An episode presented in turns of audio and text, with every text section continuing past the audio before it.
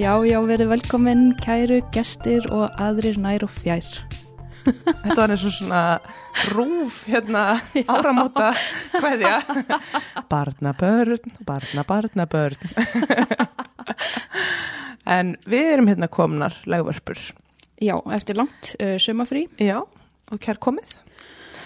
og erum að fara að uh, vinda okkur í bara mjög spennandi efni. Heldur betur, erum hérna meðislega gest tilbúna hjá okkur, búin að snú upp á handleikin á hann, kannski smá að treysta sér út í þetta allt saman.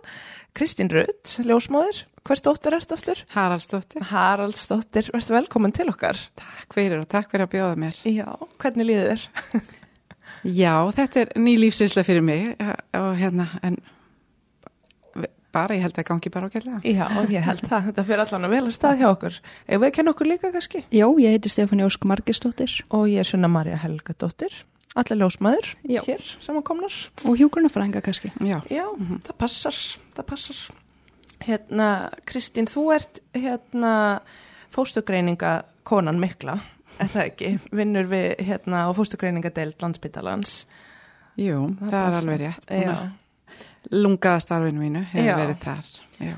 Og við vildum svona bara byrja að fá að heyra eins hérna hvenær þú útskrifaðist bara úr hjúgrunn og ljósmóðfræði og svona hvernig þetta allt einhvern veginn kom til að þú ert þar. Það er skemmtileg saga svolítið, en þegar þið báðum um að koma og ég ætti að ígrunda eitthvað, þá fór ég alveg langt tilbaka og þá byrtist uh, hérna, það var að taka til í laugarneskóla, ég sem sé fætti í, í, laug, í laugarnesinu og alveg þar upp og var í laugarneskóla og byrtist grein eftir mig þegar ég var tí ára og hérna, hvernig sérðu sjálfa þegar þið voru færtug? Og ég sagði í þessari grein, og þetta byrtist sem sé, að ég erði, ég væri hjúgrunarkona og ljósmóðir á bakkafyrði. Af öllum stöðum, en til að útskýra hverju bakkafyrður er að mamma mín er sem sé ættu frá bakkafyrði og ég hafi, við höfum greinlega farið ferð þarna austur því að ég talaði bara eins og ekkert væri eðlilegra, ég væri þarna að vinna. Og það var mikið að gera hjá mér, ég var mjög upptekinn og ég mátti ekki vera að þessu því þetta sinna konunni sem ég hafi tekið á móti deginum áður. Og þetta skrá ég allt niður þannig að ég er greinlega alveg búin að ákveða þetta þarna tíu ára gömul.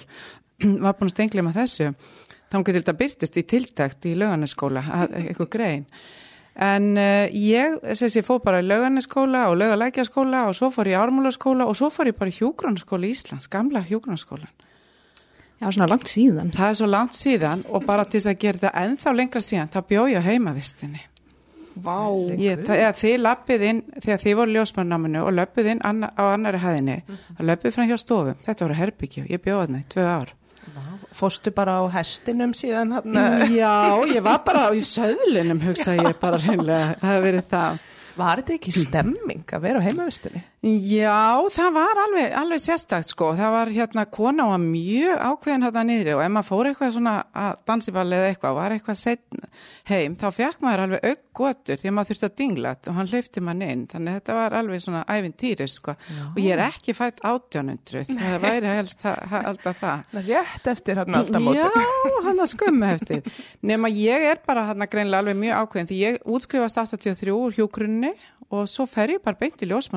alveg mjög ákveðin því ég útskrifast 83 úr hjógrunni og svo fer ég bara beint í ljósmárskólan og það er líka náttúrulega gamli ljósmárskóli Íslands. Varstu líka heima vist þar? Nei, þá var ég svo heppinu fekk íbúð greittskutinu og, og, og, og var þar. Þannig ég fór ekki mjög langt en ég, ég fór í sér íbúð með það, mína eigin styrtu og allt þetta sko. Það var líka bara mjög gott.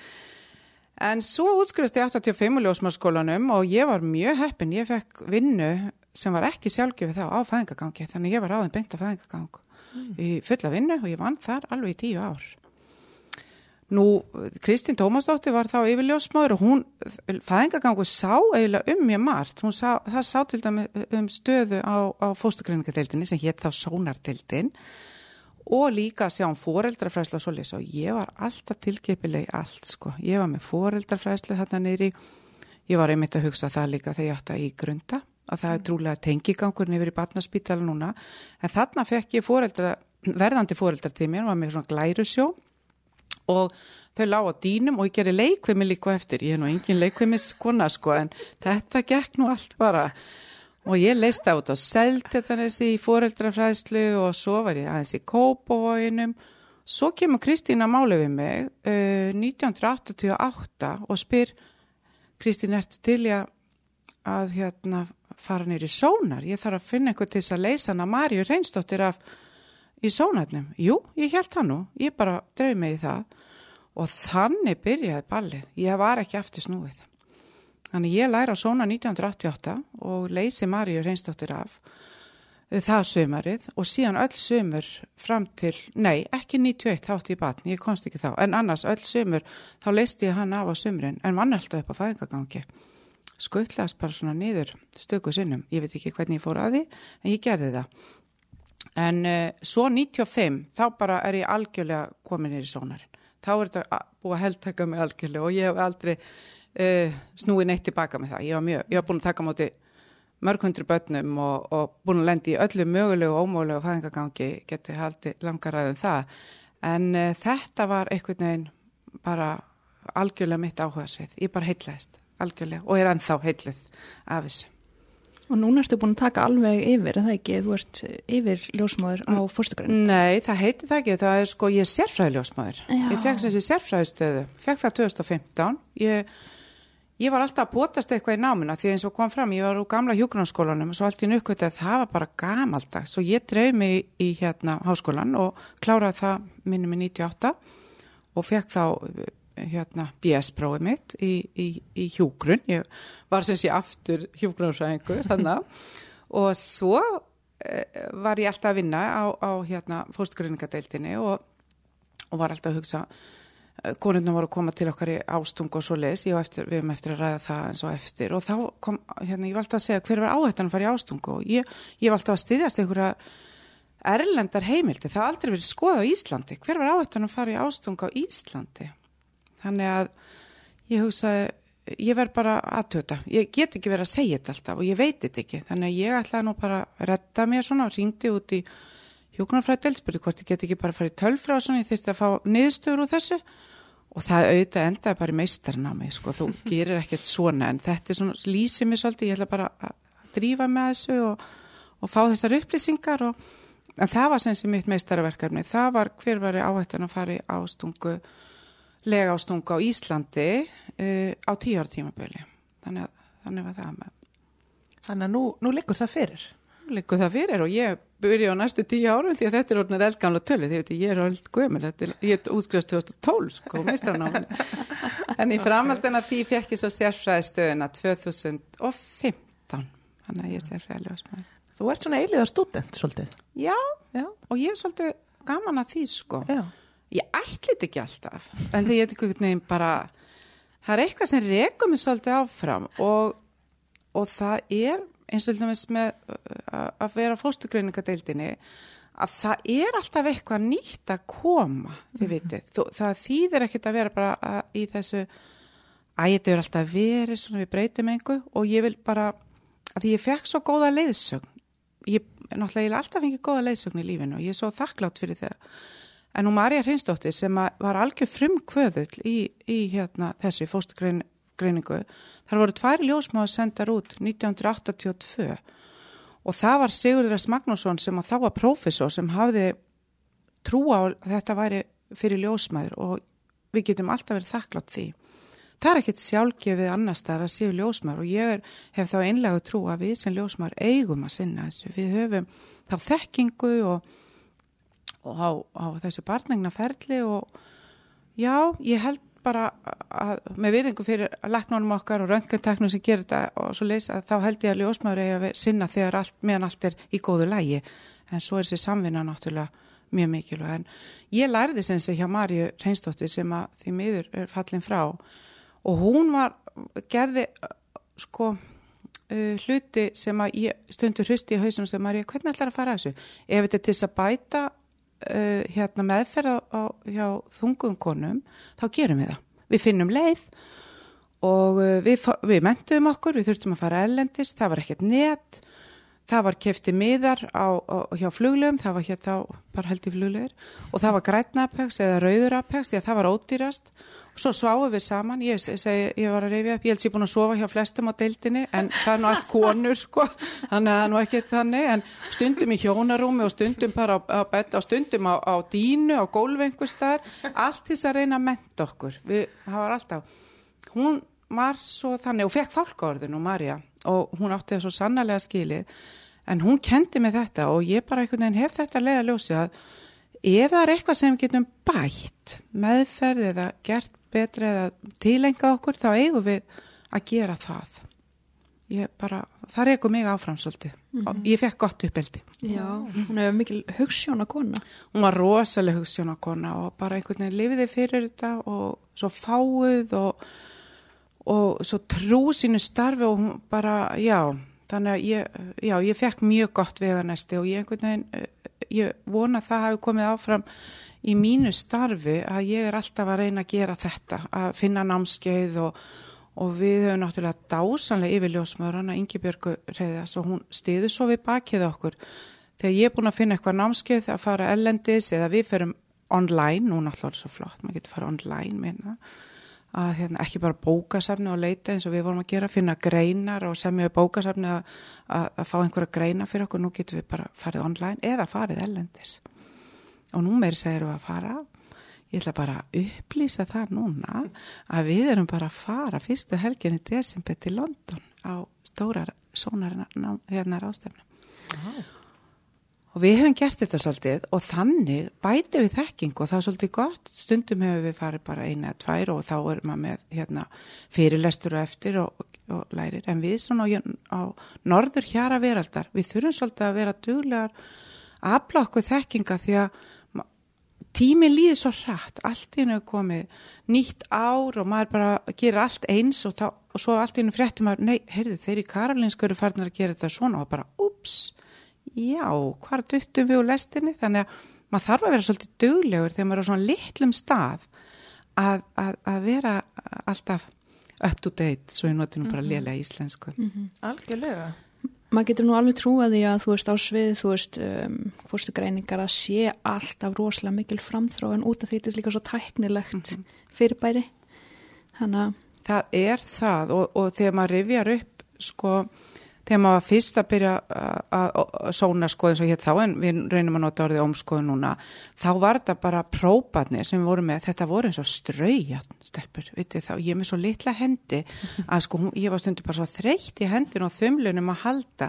Núna er þetta pínu litli própar passa bara inn í hendin, mér stundur bara stundum eins og framlenging á hendinni. Mm. léttir, lipurir hann að maður getur smóið niður um, um og svona og þetta skiptir rosa máli og gæðin þetta var þessi próf var fyrir þessi mörg megahertz og þessi var þetta. Núna fljótaðir sjálfur og hjálpa manni sjálfur að leita bestu hérna, upplausninni. Þetta eru gríðarlega framfarir sem hafa verið og þekkingin öll sem hefur komið á þessum árum er alveg rosalega mikil. Og það er svo gaman að taka þátt í því. Það er einhvern veginn, maður er aldrei útlærður. Mér finnst það alltaf svolítið spennandi. Mm og ég held daginn sem ég held að ég kunna allt og geta allt, það er akkurat dagurinn sem að maður á að bara eh, segja upp, það er Já. bara akkurat það. Ég held við þurfum ekki að hafa neinar ágjör að því að sá dagur sé eitthvað að koma hjá þér sko, ekki með að við allan, allan ástriðuna sem maður finnur fyrir. En hvernig er það í dag fyrir ljósmæður sem eru bara útlæra ljósmæður og myndu hafa áhuga á þessu að koma og vera í ómskoðunum á fóstugreiningadeild, hvert er prógramið eða þjálfunin reynilega? Já, ég fekk, sko þegar ég fekk hérna sérfræðstöðuna mína þá í framhaldinu því þá gæti ég svona skiplega formlega starfsnám í hérna í ómskoðun fyrir ljósmaður og þetta er eins á starfsnám og við fengum það gegnum mentavísindadeildina og gegnum háskóluna, þetta er með eins og diplómanám, það var rosalega flott ef við náðum því gegn, þetta var svona eitthvað sem við vorum búin að vinna og þetta þessi staða er auglist af og til, það við erum með óvinni marga núna, það eru þrjár hjá okkur núna. Og það kom nú til að einn uh, hérna fór í barningnaleifi með, meðri þjálfun, þannig að hún er að koma aftur tilbaka sem betur fyrr og svo eru tværi þjálfun núna, en þetta er bara formlegt starfsná sem er auglist og það er byrja bara að, og ég, þegar ég var að skipilega geta nám þá stuttist ég við Fetal Medicine Foundation, við erum samstarfið við þá í London og Royal College líka. Og, og svo náttúrulega bara reynsluna, þetta er bara hvað er best að gera, þannig að þær sem að komast í, í þetta nám, þær byrja yfirleitt bara að fylgja okkur fyrst og bara sjá svona, heyra hvernig við tölum við fólkið og svona. Og svo byrjar að æfa sig að hérna að ómskoða. Og við það alltaf byrja á 20 vikna ómskoðan 20 vikna kríli eru svona 25 cm laung og 300 grömm. 300 kíló. 300 kíló, já. Og hérna og það er svona auðveldar að eldast í þau heldur en bara 12 vikna. Þau eru svo rosalega lítil þá og, og svona erfitt að henda reyður á. Og þetta er svona svolítið eins og að um, það er auðveldara að horfa á þetta heldur en að gera þetta og það myndi mig, ég fór eins og hérna, námskeið í golf fyrir konur í Garðabæ og ég hugsaði þetta getur ekki verið flókið. Ég var búin að stenglema hvernig var þegar ég lærði að umskoða sjálf. Og mér er búin að horfa að tæka vúts og allt gera þetta en það hefnaðist ekki mjög vel. Það þurfti að tyrfa eftir mig hérna í Garðabænum sko. það var hérna þannig að þetta er stundu svona svolítið sko þólima, þú ferð algjörlega byrjunarreit þegar þú kemur hérna kannski þraut, þjálfu, hann að fænga gangi búin að gera eða sengu hvernig að hvað er út búin að vera og svo bara byrjar og þú getur ekkert. Þú ert algjörlega háð einhver heldur í hendina þér í bókstæleiri merkingur en á byrjum á 20 veikna og þegar þeir eru búin að ná færni því þá fyrir við í vakstaróm og þegar þeir eru búin að tekna því þá fyrir við í flæðismælingarnar og endum svo tólveikna omskoðinni og það er bara, þetta er bara svona reynsla sem segir hvernig er best að haga uh, náminu þannig að, að þú náir sem best tökum á þessu. Og er þetta samtals ár? Já, þetta er svona cirka ár og það er yfirleitt við eðlilegar aðstæðu þegar ekki COVID, þá fara þær á námskeið til London, til Royal College í 20 vikna, það er hérna nokkri dagar þar og svo taka þær online eh, námskeið á netinu fyrir tólveikna og taka svo próf þar og senda myndir og fá í raun eh, leifi til þess að gera tólveikna omskona þar að segja að þetta samþætta líkjendamat og við þurfum alltaf að senda einu svona ári okkar ótitt og myndir til þess að sannreina að við séum að mæla rétt. Þú far bara leifi til eins á sjá fítalmedicin sem er mjög gott upp á gæða eftirlitið og gögnin okkar fara þá inn í gagnabankan þeirra og við njótum góðs af því. Fáum sem sé, haldum, haldum okkur réttindum þannig. Og við erum áttaljósmaður með þessi réttindi hérna á Íslandi og eitt leknir á Akureyri sem eru með þessi tiltekinn tólveiknari réttindi fyrir samfættu líkindamatti mm -hmm. Vá, þetta er enginn smá þjálfun Nei, þetta er alveg alveg þjálfin. Já, ég er sammála því. Já, mikið úttalt bara að fara í gegnum þetta allt saman, mm -hmm. Mm -hmm. En nú ertu við svona aðeins búin að nefna hérna 20 vikna, 12 vikna, vakstar, eitthvað svona símislegt mhm. sem að, já, sem að kannski fólk svona hefur heyrt um. Getur við kannski eitthvað svona örstuðt bara farið hans yfir hvaða starfsemi fer fram þarna, þú veist, á fórstökareiningadelt? Já, Við þessi bjóðum upp á þessi, þessi hérna, fóstuskimanir sem er það 12 vikna og 20 vikna. Mm -hmm. og það er valkvenna að fara í það. Og svo getur maður valið að fara í samþetta líkjendum að við 12 vikur um að vil það. Og í, eins og til dæmis við 12 vikna omskoðuna þá erum við að skoða meðgangulengdina við erum að skoða útlitt fóstusins og okkur er að fara tölverst fram þar að geta greint uh, floknari vandamál. Og uh, og líka þessar stóru fóstugalla eins og til dæmis ef að vantar á höfuði, svo kallar anenkefali eða vanheili, eða vantar útlimi og opnir opin kviður eða, og náttúrulega líka ekki hjarsláttur. Nú við erum að greina tvíbura og það skiptir rosa miklu máli að hvort það er einækja eða tvíækja. Nú eða þrýburar, það gerist nú af og til, allt innu fjölgar, allt eilis og og þarna eh, finnst mér rosa munur þegar maður er að fá það við tólveiku fyrir utan að það bara skiptir öllum ála með tvíburana því að við, við um, hérna uh, ómskorna framöndask er, er mjög misjafna hvort þetta er eina ekki að tví ekki nú um, það sem mér finnst munar svo miklu hérna áður fyrir gerðum við bara 18-19 vekna ómskon en eftir að fóru að gera tólveikna þá eru við að greina þess að stóru ólífanlegu galla. Eins og vanheila og, og, og, og margt annað sem að uh, er uh, mjög erfiðir en engin vonum líf og þá er ekki verið að ganga með kannski alveg í 20 vikur áður en við, en þarna vorum við alltaf að finna það áður fyrir við vorum bara með 80-90 vikna sónar. Nú síðan við 20 vikur þá er við náttúrulega það kannski okkar aðal eh, sóna til þess að greina uh, í raun frávik. Og þá erum við eins og til dæmis með hjarta, við höfum verið sérstöku átaki frá 2015 eða að gera betur í hjarta, hjartanu og það skiptir svo miklu mála að vita ef það væri um hjartakall að ræða allir sér viðbúnir og það er meir sem verið þannig í eitt skipti bara sem ég veit að við letum, eða kona var látið fæða erlendis vegna þess að barninu var ekki treyst til að, að þóla flýið yfir hafið. Núna sendum við til og með hjartabötnin eh, sem þurfa að fara í hjarta aðgerið til eh, lundar.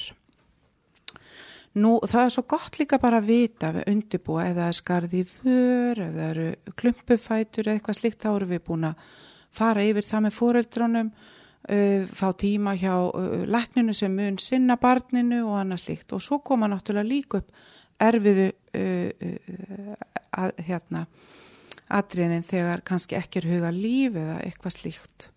Og þá að, að fara gegnum það með fóreldruna, það er bara partur af, af því Nú vaksta sónarnir, það er yfirlt ef það er einhver ástæða fyrir, ef að til dæmis við erum með dvíbura, þá er náttúrulega fylgistu vel með vextinum að því að meiri á þetta getur verið vastasenga, ef að það er uh, síkusíki, eitthvað slíkt, nú það vakna grunnsendir í meðganguvöndinu að það eru senda til okkar, ef að börnin eru lítil að þá fyrir við í flæðismælingarnar og þá getum við mælt uh, flæðið frá í naflastrengnum og eins í kollinum og bara til að segja eitthvað svona tvent sem er, hefur breyst á þessum 170 árum sem ég er búin að vera aðna, nei, ekki smá grín.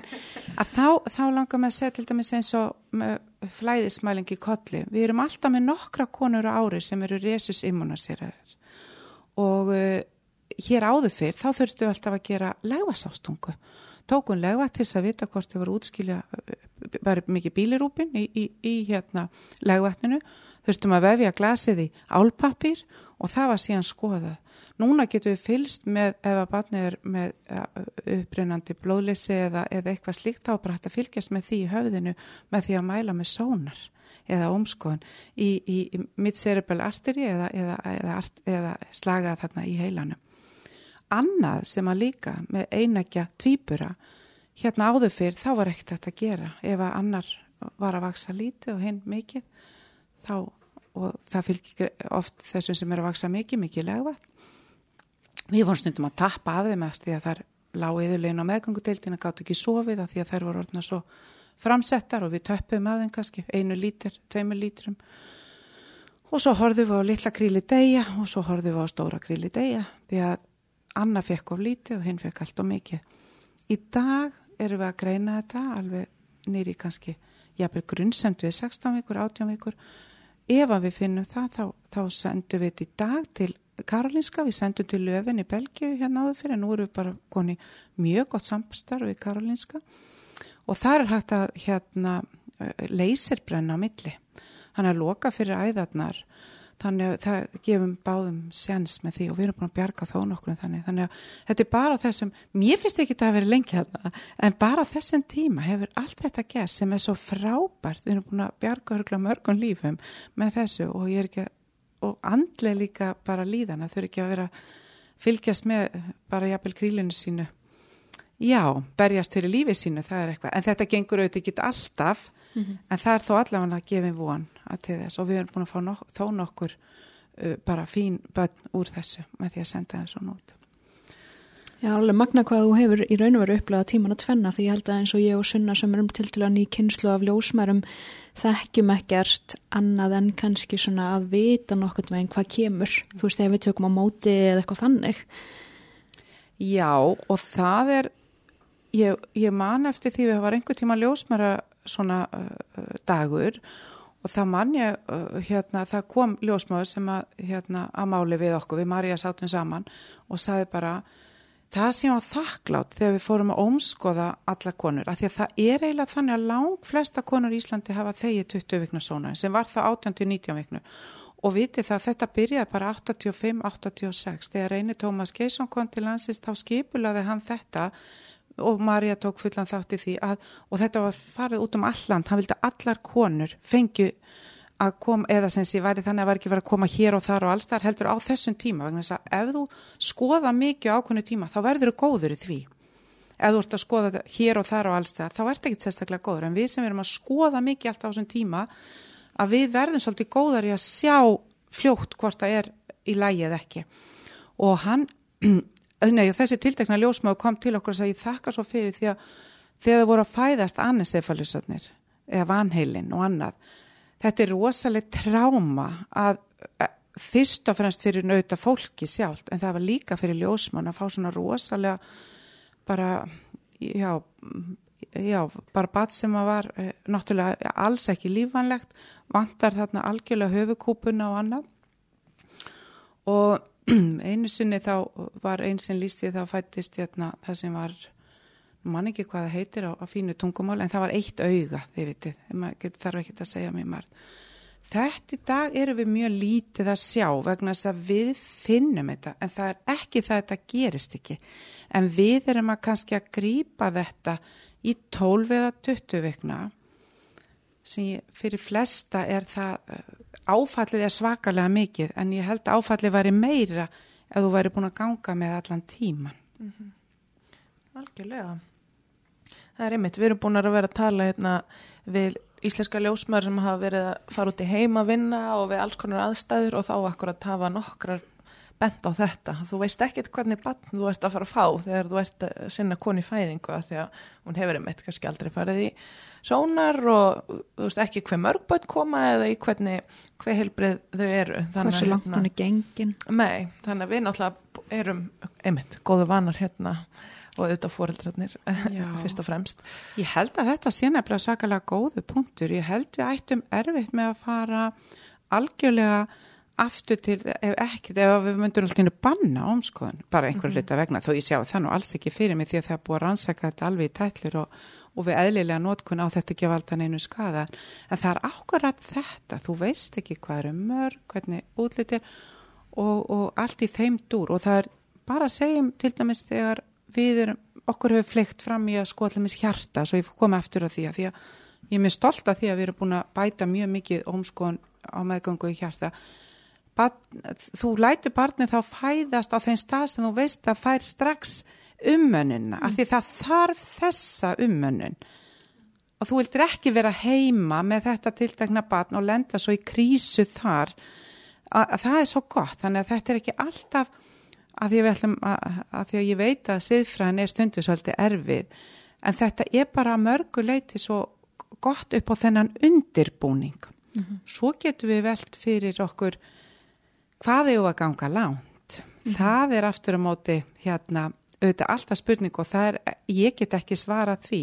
En mér finnst við sem fóstugreiningadeild þá eigum við að hafa sem bestu tækja tól og þekking og mentun til þess að gera, svo er það fólksins hvort það vil þykja það og gleymum ekki að þetta er allt val en við þurfum líka að vanda okkur mjög vel í upplýsingagjöfuna ekki segja sér rútina eigi að fara í 12 eða 20 eða í meðganguvendina heldur við bjóðum ykkur upp á og draumur okkar til þess að fóstugrinningadeildinni það er að 12 veikna ómskonu verði frí.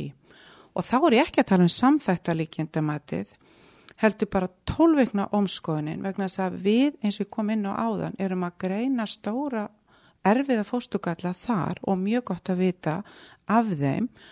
Og eins með tvíburn og annað, fólk þurfu ekki að vera að hafa áhyggjur að eigi ekki auður til þess að fara í það, mér finnst það, svo getur við hugsað okkur að fara í samþætta líkindamötið eða það sem er náttúrulega nýja sem er kannski að riðja sér til rúms, það er niftið sem er non-invasive pregnancy test sem er þessi blóðpröfa og það er alveg sér kapitölu fyrir sig sko en, en hérna það okkur langar mjög til þess að og vonandi bara ný stjórn komið með það að, við, að allir hafi engi þurfa að hafa áhyggjur eða ekki auður fyrir að 12 vekna ómskoðun og svo 20 vekna þetta sé bara þannig. En það sé alltaf val.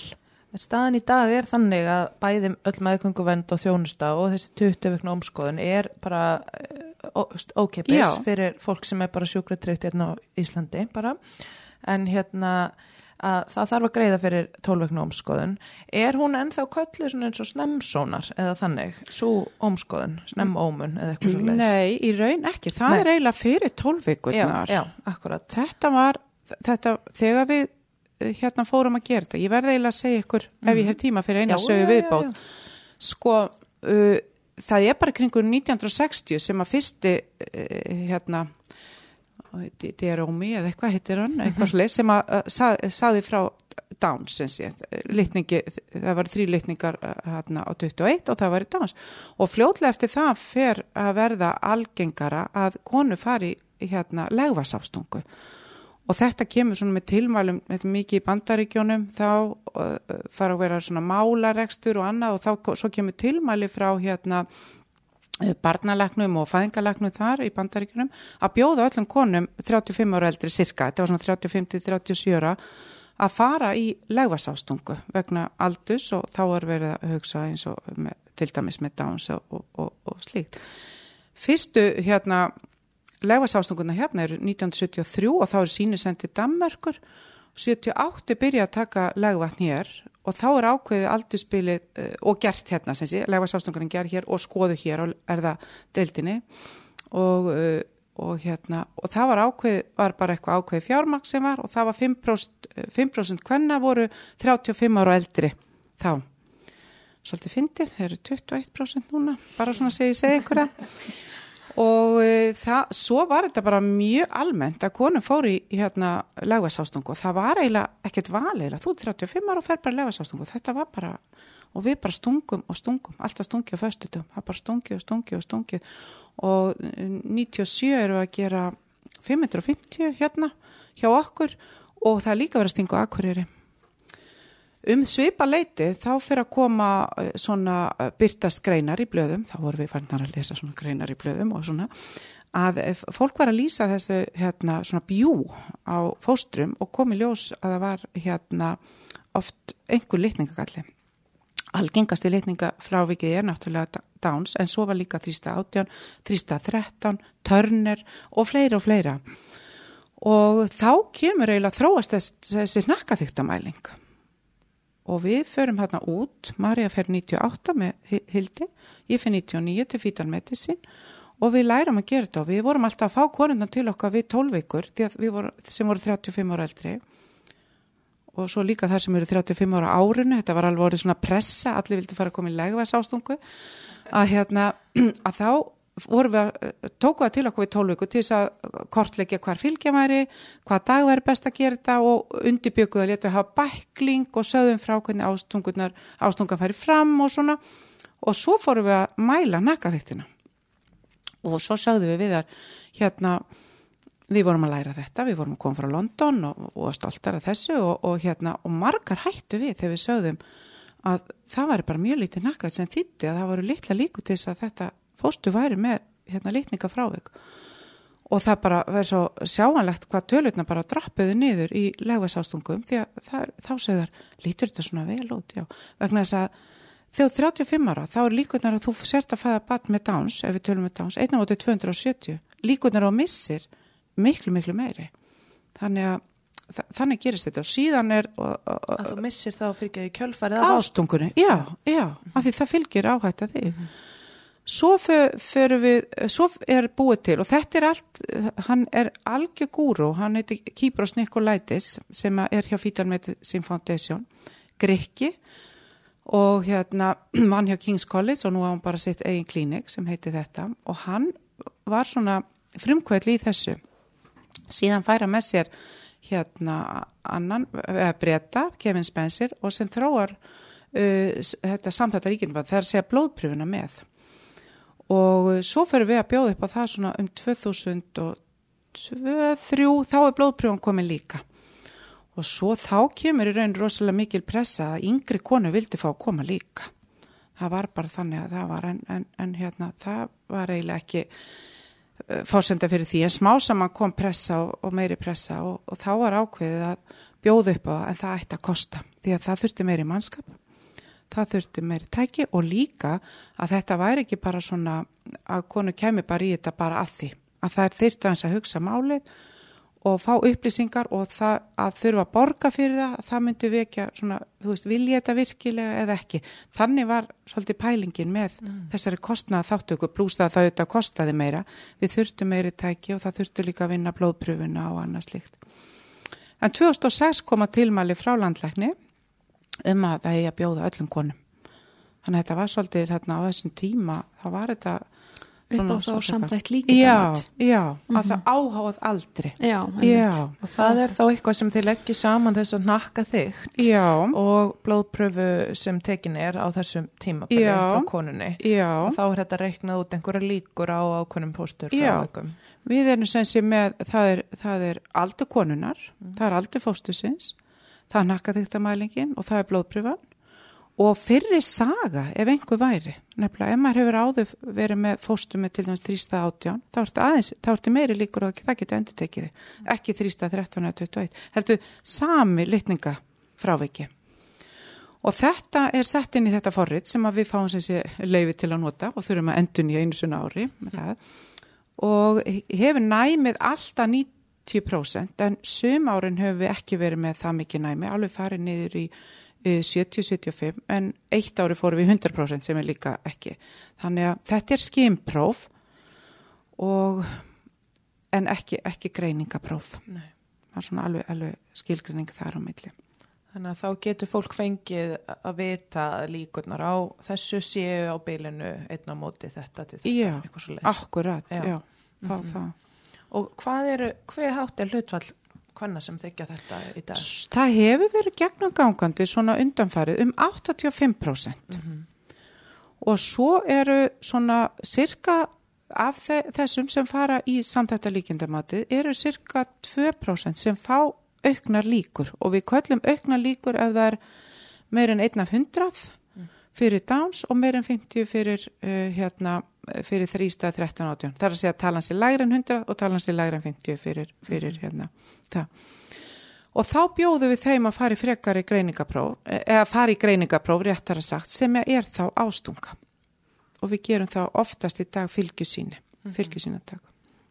Sem er þá með einhverju til, tilheyrandi áhættu. Já, já, mm -hmm. já. En það er greining, þú farið að vita litningarna mm -hmm. og það er...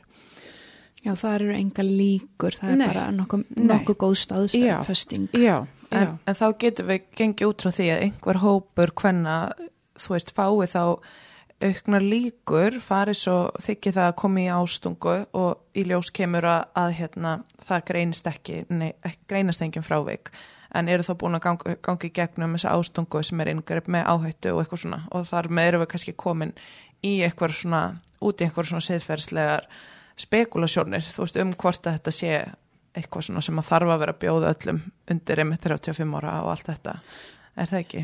Jú, sko, það sem að við hérna, eins og ég koms inn á áðan, þá langar okkur alltaf til að vera up to date mm -hmm.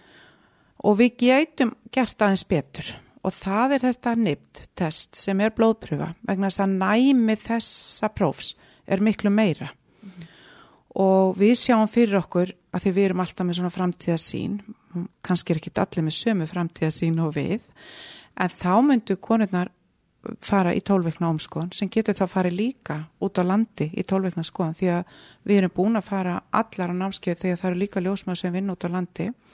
Og laknarnir og akkur eru komið okkur við fórum að sérsta tólveikna námskeið til London. og getur bara farið í tólveikna omskoðan hvar, hvar svo sem er bóðið upp á omskoðan neskust að akkur eru uh, hérna selfos og slíð og færi svo þá í blóðpröfu sem er þessi, þetta niptest því að næmið þessa prófs er alltaf 99% mm. og þá erum við með miklu færri símtöl það er nefnilega símtölinn sem er svo erfið eins og hjá okkur, þú farð auknar líkur einhver sem far auknar líkur í þessum hóp sem til dæmis í fyrra voru cirka 70 konur eitthvað, cirka, cirka pátt 20% af þessu konum voru raunverulega, 15-20% voru raunverulega með litningafrávik. Mm. En allar hinnar voru ekki með það. Það fengur samt símtalið. Það þurft að hugsa málið og, við, og þetta er aldrei þægilegt símtal. Og það þurft að hugsa málið, cirka 12 til 18% þeirra afþökkuð að gera eitthvað frekar. Mm. Og það er bara, og nú er ég að tala bara svona heilt yfir svona cirka síðustu 10 árin, þetta er bara svona heilt yfir. Mm. en uh, hinn að fóru í þetta og 15-20% voru raunverulega með litninga frávik ef að við væri með þetta uh, þessa blóðpröfu þá varu símtölin miklu færri miklu færri sem færu í raun í þessa þetta hugar slæm, erfiða hugar ástand sem ég vil kalla þannig að þetta er eitthvað sem okkur dreymir um. En það kostar þetta svolítið. Þannig að Þetta er eh, já, blóðpröfu já, já, þetta er sem sé óbundi erðaefni úr, sem er í blóði móður frá fóstrinu, þessu tiltekna fóstri. Og að ég nú alltaf að segja sögur að þá hérna sko ég var búin að fara nokkra rástefnu og það alltaf að segja við erum alveg að fara að ná þessu. Að setja að taka blóðpröfu og mömmunni og þá hérna getum við séð þetta. Og það var alveg við erum alveg að ná þessu, þetta var alltaf handað með hotnið en allt í einu gerðist það, það var einhver, það var einhver eh, sem uppgötaði við skoðum DNA-ið það er þetta erðaefni og þetta hefur þróast mjög, mjög rætt núna og þetta er við að fara að bjóða upp á þetta. Og það er einhvern veginn svo uh, vond að vera að bjóða upp á eitthvað sem er ekki það besta. Ef maður á annar borð vil fara í þetta. Það er svo aftur allt önnur umræða. En ef ég fer á leitastöðuna og er að láta skima fyrir hjá mér fyrir e, í leghálsi þá vil ég ekki sé vera að bjóða mér ekki það besta. Skiljiði, ég er bara, núna er ég að setja þetta bara en ef ég vil ekki fara þá fer ég náttúrulega ekki. Þannig að við þurfum alltaf að hafa mjög goða upplýsingagjöf. En ef að maður vil fara í skimpróf til þess að skoða ákveðna þætti þá er mjög flott og gott og faglegt að bjóða upp á það besta. Ég held að við höfum að stefna þarna og fækka þessum símtölum. Þegar maður tala við konur og fyrir svona eiginlega rannsónu og svona leys, þá er það símtölum sem er svo erfið. Mm -hmm. Ef við erum með fólki á staðnum og við sjáum fóstugalla sem gerist náttúrulega alltaf hjá okkur af og til, þá tökum við utanum fólki, við tölum við það, við útskýrum við erum. Þegar við þurfum að ringja, hvað er konan? Er hún að sækja batni sitt á leikskóla? Er hún í bónus? Er hún að keira? Þið viti, við ráðum ekkert aðstafunum. Ég þarf ekki að segja meir, það, það skilji allir hvað þetta er. Og ef við getum fækka þessum símtölum, af því það er bara, þú farið miklu áraðanlegra niðurstöður úr þessu. En áfram er þetta samt skimpróf. Mm -hmm. Þessi blóðprófa, þetta er ekki greiningapróf. -hmm. Þannig að ef að kemur í ljósa að það eru farðu aukna líkur í því prófi þá þurfum við samt að gera ástungu það er bara miklu miklu færri. Mm -hmm. og mér finnst þetta líka svona landsbyðamál þú veist, þú ert, ert stödd á neskustaf ljósmórin þar getur bara gert tólveikna sónan er fullfærin það, þú er hægt að draga blóðpröfið þar ef þú vilt fara í það og senda það bara og fara svarið. Heldur en að þurfa að fljúa eins og núna, þá er það að fara að fljúa þar geta bara farið í samþætta líkjandamata akkurir eða til okkar þannig að mér finnst þetta líka svona réttlætismál. Já, Algjörlega. algjörlega, það er góð punktur. En þannig að þegar maður veit allar þessar upplýsingar, þú veist þegar þú skýrir þetta svona vel út fyrir okkur að þá þarf maður kannski svolítið að spyrja sig hvað, hérna, er ég tilbúin að fá að vita þessar líkur ef ég ætla að þykja þetta líkindamat? Af því að þá þarf ég kannski að vita hvað ég ætla að gera við niðurstöðunar sennilega, að, að það er kannski eitthvað sem er gott að spyrja sig að þegar maður er í þessum spórum að vera barsafandi og nálgast tóltuvikuna og allt þetta Algjörlega og það getur engin svara þessu fyrir hann er komin í aðstæðnar. Mm -hmm. Við höfum verið með konu sem hafa sko vilja fara í samþall líkindamat með fyrsta batn, ekki annar batn og svo þriðja batn eða öfugt eða, eða vilja alls ekki og það er þessi virðing fyrir ákverðin fólksins sem að skipti svo miklu máli. Hvaða hvað vilt þú gera? Og þið í þessum aðstæðum við þekkjum ekkert bakrum fólksins eða hvað trú eða gildi sem að þau hafa. Og það er alveg eins að þegar við finnum fóstugalla að við styðjum fólkið í því sem það ákveður. Það er ekki okkar að segja að mæla með þessu eða hinnu, við gerum það ekkert. Eina sem við getum lagt á borðið er Svona er þetta, þetta eru horfurnar og svo það komið skýrt fram að um leið og við finnum fóstugalla ljósmaðurnar, þá færist það yfir að lækna nokkar mm -hmm. og við erum með frábært, sko frábæra lækna algjörlega og samstarfið er algjörlega sko meiri háttar, ég get ekki hugsað með betra samstagsfólk og það, það skikir aldrei á þar. En það er alveg ljóst að þegar við finnum fóstukalla að þá er það orðið laknisfræðilegt og það fyrir yfir til laknana. Við erum, við erum kannski með þar en þeir taka yfir. Síðan þurfa þeir ofta að kalla til sérgreina lakna. Hjartakalla, hjartalaknana, badnahjartalaknana, miðtöðkerfiskallana, það, það er þeir og svo framvegis. Við leggjum þetta svo fyrir fólkið í, í bara og stundum er þetta ekkert einfalt. Stundum er þetta eitthvað grunnsanlegt og það þarf að leita og skoða og jafnvel að taka síni og senda út og og, og, og þetta er alveg rosalega erfið tími fyrir fólkið. Maður snýr lífi fólks algjörlega á kvolf og hvað fólk ákveður við styðjum þau bara í því. Engi dómarar, það, við, það er einhverju aðrir sem eru það, það er ekki við og allir þeir fóreldrar sem hafa tekið ákveðum að enda meðgangu, það gerir það engin léttvæðlega. Þetta er alveg opbáslega erfið ákverðin og, og, og situr í fólki en stundum eru aðstæðna bara þannig hjá fólki að það, það, það tristir sér ekki lengra eða, eða það er ekki lífanlegt fóstur eða hvað svo sem það er. En við reynum að bjóða hérna þá aðstóð sem við höfum uh, og hvað sem það er í uh, formi uh, laknisfræðilegra sál, sálgæslunni, prestar, djáknar, félagsráðgjafi, hvað svo sem er.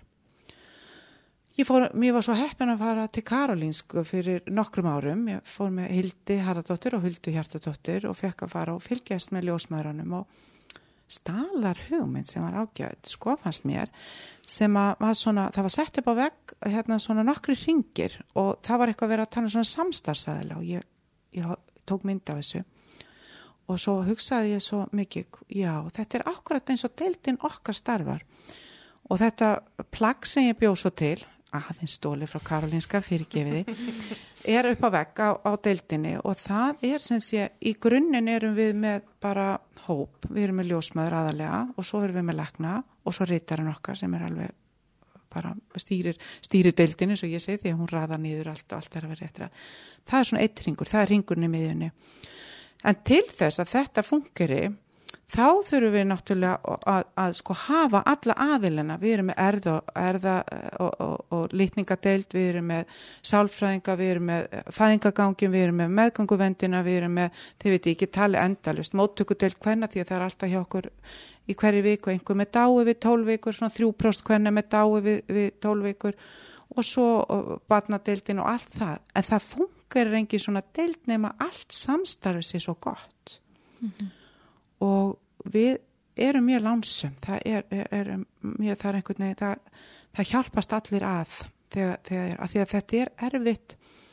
Þegar koma erfiða frétti þá er það mjög erfitt. Og eitt góður lekni saði var búin að fara í gegnum alls konar sérnum allt það en þegar hún fór í fóstugreiningu þá lærði hún auðmíkt það er líka eitthvað sem að ég held að, að hérna að það sé akkurat sem að læri því að þú ert að Þú ert kannski með fólk fyrir fram að því sem að er búið að þrá barn lengi og búið að hafa mikið fyrir því og svo leggur þið prófin á og sérð ekki goða frettir. Og þú þurft að færa fólkinu þessa frettir og, uh, og þetta fólk þarf að taka kannski mjög erfiðar ákvarðanir. Þetta er, uh, já þess að segja, það fer engin í gegnum eitthvað svona léttvælega.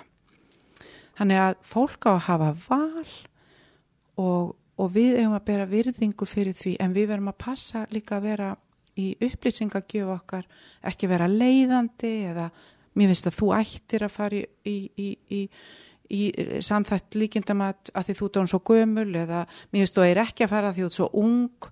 Þú veist ekki að vera þar. Þú bara leggur fyrir fólk þetta er bara flest allt fólk og bara allir eru bara mjög vel gefnir og þegar búin að gefa þeim upplýsingarnar að þá tekur það ákverðun út frá sínu eigi gildismati og trú og svo berum við virðingu fyrir því. Og ég er búin að vera alltaf ofta að horfa að fólk, eða ekkert alltaf oft ég hef bara alls ekkert alltaf oft þetta var aðsnæli setning hjá mér. Ég er bara búin að horfa svo oft upp á fólk sem ég myndi aldrei gera þetta. Svo ertu koni í aðstæðunar, þá gerur allt annað. Mm -hmm. það er að því að þú veist ekkert fyrir að verði aðstæðanum hvað þú gerir? Og ég held að það sé svo mikilvægt. Algjörlega. Maður svona á erfitt með að ímynda sér þessar aðstæðar sem maður setur hérna í dimmu með fólk sem er svo augljóslega spennt að sjá af því að sónurinn oft er miklu meira fyrir fólki en, en þú veist fyrir ykkur kannski. Og svo koma einmitt slæma fréttir þú veist hvernig er að, að færa svona fréttir Já, það venst aldrei. Þetta er svona eins og þegar maður heldur að, að hérna, maður kunna allt og geta allt þá sé passlegt að, að, að segja upp. Það er alveg eins með þetta. Þetta venst ekki. Oftast er þetta að hitta fólki í fyrsta skipti og, og svo þarf þetta að halda róðinni því að maður veit að ef maður sér eitt galla þá er oft fleiri galla sem fylgja vegna þess að þetta gæti verið einhvers konar syndróm og annað og þegar maður byrjar að færa slæmarfréttir þá getur maður eilt ekki skoða meira. Maður verður að maður verður að hérna kona verður, verður náttúrulega fyrir að gráta oftast og þú getur ekkert verið að ómskoða eftir það. Þannig að maður það svolítið að halda sér, uh, halda rósinni, skoða allt vel en síðan þarf maður að segja þessar erfiðu fréttir. Það eru auðvitað miserfiðar, það getur verið, sko skarði vör er alveg stóra fréttir en það er lífanlegt og hægt að laga. En svo getur verið líka að fara frétti það sem er bara einholva hjarta eða uh, vantar miðlín í heilanum eða sem er kannski ekki lífalegt eða eins og ég tala um áðan vanheila eða eitthvað. Því vitið þetta getur verið svo breytt eða snúni fætur eða eitthvað slíkt. Þannig að þú þarft í raun og veru að þegar þú byrjar að skoða og þú kemur auga á hérna eitthvað sem er óæðilegt þá þarfst að klára skoðun áður nú færir fréttir um um að sé eitthvað að. Já. Það hlýtur að vera svakalega erfitt. Það er nefnilega svolítið erfitt og svo ertu með, þú veist, er kannski eðlilega hérna, eftirvænting hjá fóreldrónum og, og spenningur og svo leiðis og svo mm -hmm. veistu að þú ert að fara að gera þetta. Mm -hmm. Ég fæ alltaf svona þurkublett efst í, efst í hérna kókinu að því ég bara, ó, hvernig á ég að segja þetta? Mm -hmm. bara, jú, hvernig á ég að segja þetta og Og það er bara gæsa við að setja sig í spór. Bara... En það er, það er bara mjög hérna nöðsilegt að geta gert og ég veit ekki hvort maður gerir alltaf rétt en maður reynir bara sitt besta og við fórum þessar eldri það var námskeið að færa slæmar fréttir í endumöntun en núna hefur krabbaminsfélagi verið og þær hafa nokkra farið þanga og við ætlum að reyna að hafa það er bara búið að vera annarsamt hjá okkur en það þarf, við þurfum alveg að fara á svona námskeið til þess að undibú okkur og svo er svo mikilvægt sem að, að það er að við tökum utanum hver aðra í kaffistofunni og annað og eftir. Við erum svo lítill hópur en uh, fyrir mig allavega þá er það, getum að talað um hlutina þar frammi og maður fær svona einhver sem hefur verið aðstæðanum og eitthvað, það er einhvern veginn, við höldum svolítið vel utanum hver aðra með það og ég held að það sé mjög mikilvægt en það er, gott, það er gott að heyra það. Já. Já. Nærðu þá að neipa í einhverja og segja bara uff þannig að ég var að koma svolítið þungu og þið náðu aðeins að, að, að viðra eða þannig. Já, ég vona þær eh, séu sammála mér, hérna stöldlu mínar. Ég gerði allavega sjálf Já. mjög mikið og, og hérna mér finnst það hérna mjög gott. Og ég man alveg eftir tilvikum sem að sko það var bara opbáslega erfitt að klára skoðuna þú veist, ég var bara, ég greitt frammi á kaffestofunni, ég er nefnilega þannig að ég byrja að gráta þá er það algjörlega bara svona ekki, en maður reynir að vera en ég held samt alveg maður er mannlegur, ég held að fólki kunni alveg vel að meta mm -hmm. það þó að, að hérna að, já, það er bara mjög nöðsilt en ég vona, vona við okkur byrja gæfa til þess vegna að ef það byggist upp mikið, svo getur maður stundu verið eina vikuna kannski lengt aftur og aftur, það er mjög þungskref en náttúrulega það sem er svo gefandi við þetta starf er að, að hérna lang flestir er að fá dásamlega fréttir og, og maður er að færa svo goða fréttir og maður er stattur á tímamótum í lífi fólk sem er kannski mesta hamingjan. Og einu sinni þá var maður, hann fór á skelljarnar og bað konu. Því var búið með 20 vikna sónarinn og þið veitu, það er allt mögulegt sem hefur gæst þarna inni. Og, og þetta er eitthvað sem maður gleimi bara aldrei, þannig að það er ró, mjög gefandi. Mér finnst það, það maður er sko á svo indið mikil hamingja oftast og þannig að það tekum með sér og það, það er rosalega stort í hjartanu allavega fyrir mig. Og svo komist að þungu fréttir en þannig er lífið og, og svo sko, verður maður líka bara virðing ef maður hefur fært slæmar fréttir til einhvers fóreldra það auðvitað stundum erfitt með að sjá mann -hmm. ég alveg lendi að vera röð í, í bónus, langri röð og, ég, og konan átti mjög erfitt með að sjá mig það hafði nýverið og maður bara þá, þá er maður báðberi vondur að frétta mm. en mjög oft vil fólk hitta mann aftur þó maður hafi verið báðberi slæmir að frétta og það er kannski að því að fólk er oft bara fegið að hafa fengið þessar upplýsingar að, hérna, að, að, að því að enginn vil fá þar en fyrst þar eru annar borð þá er betra að það greinist heldur en mhm. ekki mm -hmm. Mm -hmm. Akkurat það er einmitt ótrúlegt að heyra frá fólki sem hefur upplefað eitthvað svona mikla erfiðleika sem að maður kannski er ekki tilbúin ímynda sér að maður eigi eftir að gangi gegnum fyrir en að það gerist. Að þú veist það er ofta eitthvað svona orðins og þakklæti og eitthvað fleira sem að er efst í huga fólks veist, ótrúlegt en satt eftir eitthvað svona erfitt að þá kannski kann fólk að meta einmitt þjónustuna sem er í bóði og starfsfólki sem að stutti það og annað þú veist, þrátt fyrir allt Já, við heyrum mjög, svo auðvitað er eitthvað sem að, kannski mætti betur fara en, en lang oftast er það það og, mm -hmm. og, og, og þar viljum við vera. Mm -hmm. Við viljum reyna að sinna, sinna fólki eins vel og getur sérstaklega í þessum erfiðu aðstæðum sem að mm -hmm. bara helst engin nætt að þurfa að lenda í. Nei. Nú höfum við sem ljósmannimar fengum aðeins að gæjast þarna inn í hálfan dag eða eitthvað að fylgja ykkur aðeins. Og þá sáum við svona, svona hvernig þið hvernig þið undirbúið fólk áður en þið byrjið. Að þá eru alls konar svona frasar eins og þú veist, nú er ég bara einbita mér að skjánum og ég er bara algjör nörd og bara þó, þó ég sé með einhver svipi þá þurfum við ekkert að lesa í þá og eitthvað svona að hérna eru þið með svona hver með sína einhverja sérvisku þegar það kemur að þessu? Alveg öruglega, ég kenni nú yfirleitt að sko þögnin er slæm. Já.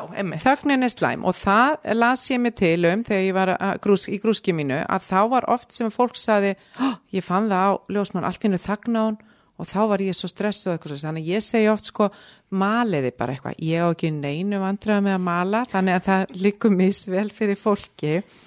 En þá eru oft meðar eru yngri og kannski ekki komna með þessa færni þá er oft gott að segja að fólk, ég, ég, ef ég þegi eitthvað ári, ég bara einbytta mér að því að við höfum lesað okkur til um það og að ef við þegjum eitthvað svona þunnu hljóðu, þó við séum bara einbytta okkur, þá er fólk rætt um að við séum að fara að segja eitthvað, ekki gott. Þannig að já, en við erum hálfgerið nörda sem vinnum að það, ég held að sé alveg rétt og veljum alveg inn, neini, elskunna fyrirgefið mér þetta. en svo er það líka greinlegt þegar maður svona fær að fylgjast með einhver einni skoðun þegar eru þarna á kolli í þessu myrkvaða herbyggi og einhvern veginn með hendina, aðra, aðra hendina í miklum fimmlegum að þetta eru kannski ekkit eitthvað hugulöst starfsaðstæðunar og það er nú frækt að, að sónar konurnar, ljósmaðurnar eru nú ekkit þar bestu aukslunum er eitthvað til þessu? Já, og þetta er með þess að til, það er að googla þetta, þetta er sko til og, og nú að ég var ekki búin að, hérna, rifja þetta nógu vel upp en það getur sko googla, þetta er vel þekkt megin vegna þess að þú ert alltaf í svona skrítinni stellingu og ert að gera, já, með hægri hendinni mest náttúrulega því við erum flesta réttendar. Ég var reyndar á Selfoss í gær og, og, og, og það er hún Sigurlinn Ljósmóður Hörfend og skoðar, ég, ég þurfti náttúrulega að færa tækið yfir, ég geta ekki skoða þannig.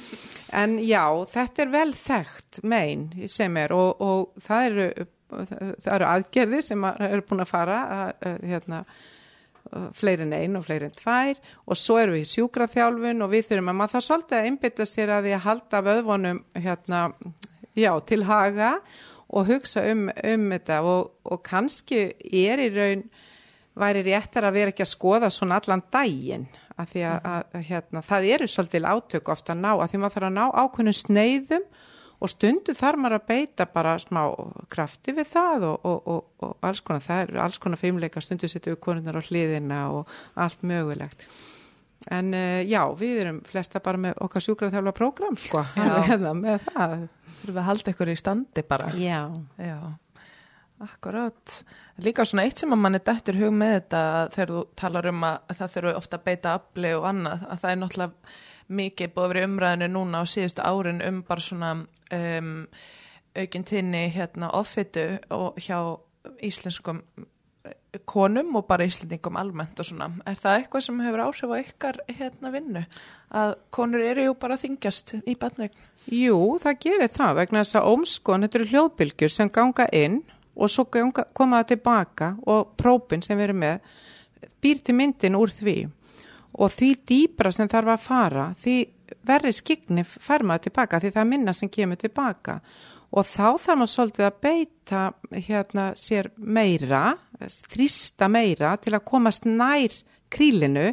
Þannig að jú, vissulega getur það haft töluvert að segja. Já, akkurat.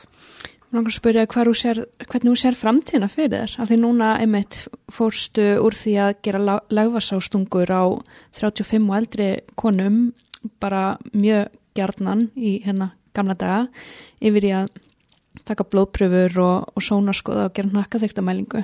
Hvert, þú veist, er einhver svona speculationir varandi hvað þú heldur að framtíðin ber í sér varandi þetta svið? Já, ég held sko það sem er uh, kannski svona uh, helst núna það er að, að, að ég vona að, að draumar mínir rætist með það að bjóða upp á hérna ókipist tólvikna og þeir sem vilja fari þá í neipt testið og fækkun þannig hérna ástungum og vondu erfiðu símtölunum og allt það og svo eru þeir að þróa mikið hérna uh, pre-eclampsing screening kallar það að, að reyna að, að, að finna þær sem verða uh, hvað meðgungveitrununa með það. Við hvaða vikur, veistu það? Já, það er bara alveg nýri tólv vikur sko og þá er bara auka blóðpröfur og þá mælu við hérna uh, hann er líka með það hérna Nikolaitis og uh, Hljómar eins og eitthvað bólgusjúkdómar. Já, Nikolaitis, já. Hann er, ég ætla að skjóta það inn í að því að ef einhver nefnir að hlusta á þetta, þá er hann í hérna á Netflix sem Surgeon eitthvað og þannig, þetta er alveg stórmerkilegu kall og þar er hann að lýsa fyrstu laserbrennslunni sinni. Þeir svo klárar að googla, geti fundið það þegar maður vilja.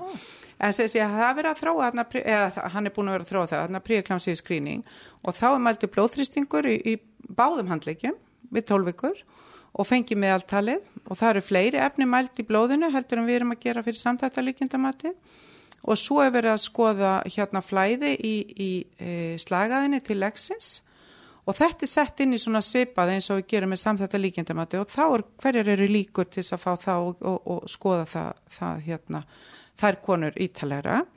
Nú vakstar skerðingarna, þær eru mjög mikið verið að hérna, vinna í þeim núna, að reyna að peka út og, og, og, og hérna, með þá það líka þessi mæling á, á, á arteríunni, útirinn arterín.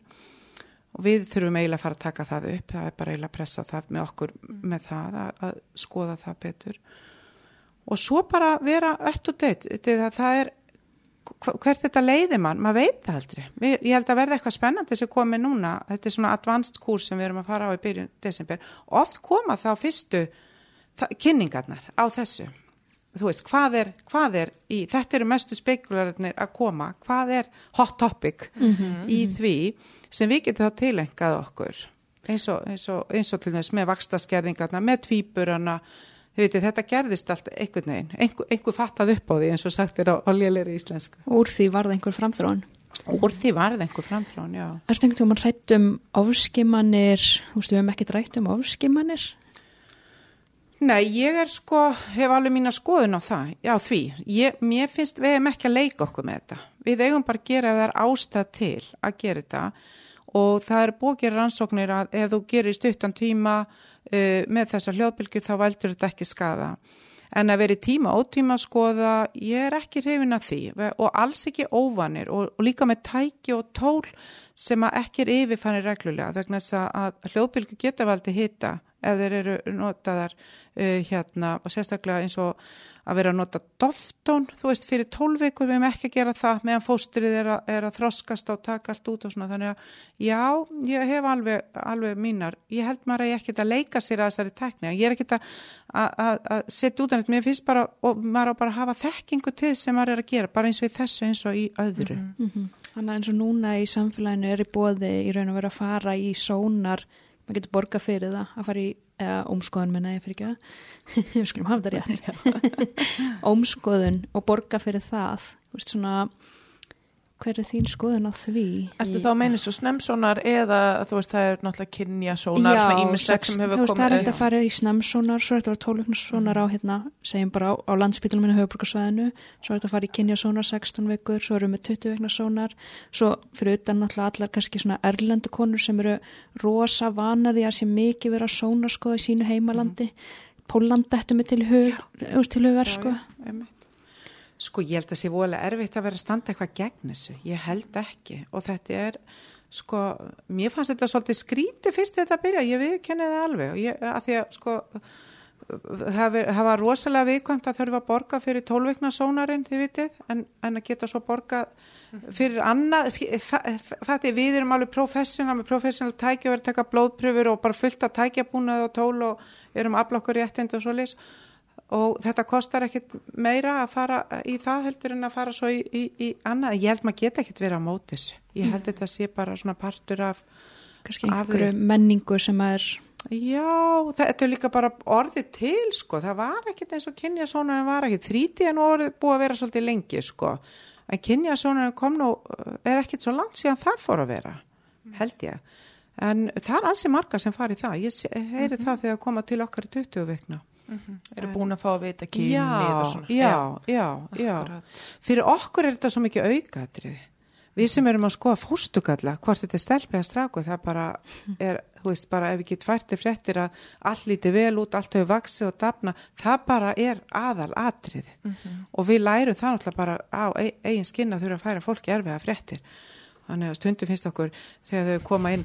En sko samt vita held ég allir innst inn að við erum líka að skoða uh, hérna líffærin og allt það. En stundum er svona alveg bara, ó ég er svo spennt að fá að vita kyni og það bara alveg hérna getur ekki æ það er bara það sem er svona Það er kannski bara partur af já, tilhlökkun og Já. svona. Það, því ég held að þegar maður myndi spurja það fólk en þú veist að við ætlum að gera eitthvað annað? Já, já, já, já, þá vitaði það alveg sko, Já. þetta er svona kannski bara býja eftir að fara að prjóna eitthvað svona, eitthvað svo Það er þurfa að fá að vita sínur upplýsingar þessar ömmur Já. þannig að fara að fytja upp á. mjög nöðsynlegt En heldur svona kannski með þetta lokum, er, er við að gera nú vel í sambandi við þetta bjóða hérna svona hlutlisar upplýsingar um þessar fórstu skimmanir eða finnst þeir við mættum ger betur, sljósmæður eða hérna eða hvað? Sko, ég held alltaf að við getum bætt allt og, og, held, og, og ef við höldum við gerum rosa vel, þá vorum við ekkert á sérstaklega góðum stað, því að við getum held ég alltaf bætt eitthvað. En við það, þegar rafrannar maðuraskráin kom, þá gerðist svo ánæguleg hlutu sem við vorum svo opbáslega ánæg með, það var að konurna voru að hitta ljósmann cirka við tíu vikur. Við vorum alltaf að byggja eftir því og vorum alltaf að segja það að því við fengum oft gaggrinni með að taka samt þetta líkindamati og svona og fengi ekki upplýsingar og svoleiðis. Og ég held að það hafa alveg verið rétt að voru, aldrei búin að hitta ljósmáður en núna eru það eiginlega lang flesta búin að hitta ljósmáður búin að gera og það finnst mér svo ánægilegt en þá verður þetta samtal því ég held að sé mjög mikilvægt að upplýsa fólki og benda þá á alvöru síður, ekki að vera í bumbuhópi eða eitthvað svo leist og ég bara fara inn á og það er bara, heilsugjastlan er komið með bara fínt og það er líka inn á landsbytalanum við mættum öruglega upp to date eða eitthvað sko. En ég held að það sé að því að svo endan mér þetta alltaf ákvörðum fólksins. Þú getur bara gefið upplýsingar, þú tekur ekki ákvörðuna en mér finnst svo ánægilegt að það eru eiginlega all, nánast alla núna búin að hitta ljósmáður Já, sem að gefu þeim, veiti þeim upplýsingar um hvernig þetta ferli virka fyrir sér. Já, akkurat. Og getur þá bent þeim á uh, baklinga eða þið viti á netinu náttúrulega allt núna og, og svona þá og ég held að það, það skref hafi verið gríðarlega mikilvægt. Algjörlega. Bara góð áminning fyrir ljósmæður að, hérna, í meðgangvendina því að það eru svona miljón hlutir sem þarf að huga að þessari fyrstu skoðun að, að gleyma ekki þessum eða þú veist að, hérna, að þetta skipti máli. Og muna 12 og 20 er fóstuskimun. Mm -hmm. Veist, það er ekki bara 12 vegna sem fóstuskimun, hitt er líka Veist, og það er ekkert rútína eða svona þótt að sé árið pínur rútína mm. af því að það er 99% hvenna sem þykja 20 vikna en 85 cirka samþætt á líkindum að þeir flesta koma nú í 12 vikna eða vita en ekkert að fara kannski en muna bara að þetta er hvort ekki að fóstu skimun, við erum að skima eftir frávikum mm -hmm. og líka náttúrulega uh, hvar fylgjan er og meðgöngulengdin og allt það sko. Já. Er eitthvað sem að þú myndi vilja koma fram fyrir að lókum? Já, það er við spurning. sko bara að, til okkar sem vinnum á deildinu að bara halda áfram að, að, að menta okkur vel og vera hérna uh, já verður fulltrú á ljósmaðura þar og, og ég held að ljósmaður eigi að vera þarna á þessari deild, ég er alveg bara mm -hmm. með það já, og, og hérna og við séum bara og muna við erum aðna fyrir konurnar og fjölskyldurnar. Það er bara það. Og reyna að gera okkar besta og bjóða upp á bestu þjónustu sem við getum Við Stefani skráum okkur í námið hérna á næsta ári. Við erum velkomna. Kristín, eitt að lokum, hérna, mm. var þeir ekki örgulega bóðið brúðköpið þannig hjá uh, það sem hann fór á skelljarnar í, í 20 vikna? Nei, heyrðu, nei. Og það, og það, mér var ekki bóðið í það brúðköp, en þetta var svo indislegt, þetta er svo þröngt herbergi og hann var að kljást við opnin að reyna að komast nýra á hnýjen en þetta var svo fallið stund, þetta var svo fallet og og bara þær trúði mér ekki að koma út í þess að viti hvað gerðist hjá mér? Þá hefur nú óstjórnlegur grátur byrjað þarna hjá þér. Það má kaffistofu. Það var mjög stutt í hann. Það voru allavega, það voru gleði tár ef við ekki bara leifa því að vera svona loka, loka orðin hjá okkur? Jú, ég held það. Bara takk fyrir að koma. Takk fyrir að bjóða mér. Þetta var æðislegt að fá að heyra frá þér. Takk fyrir kjalla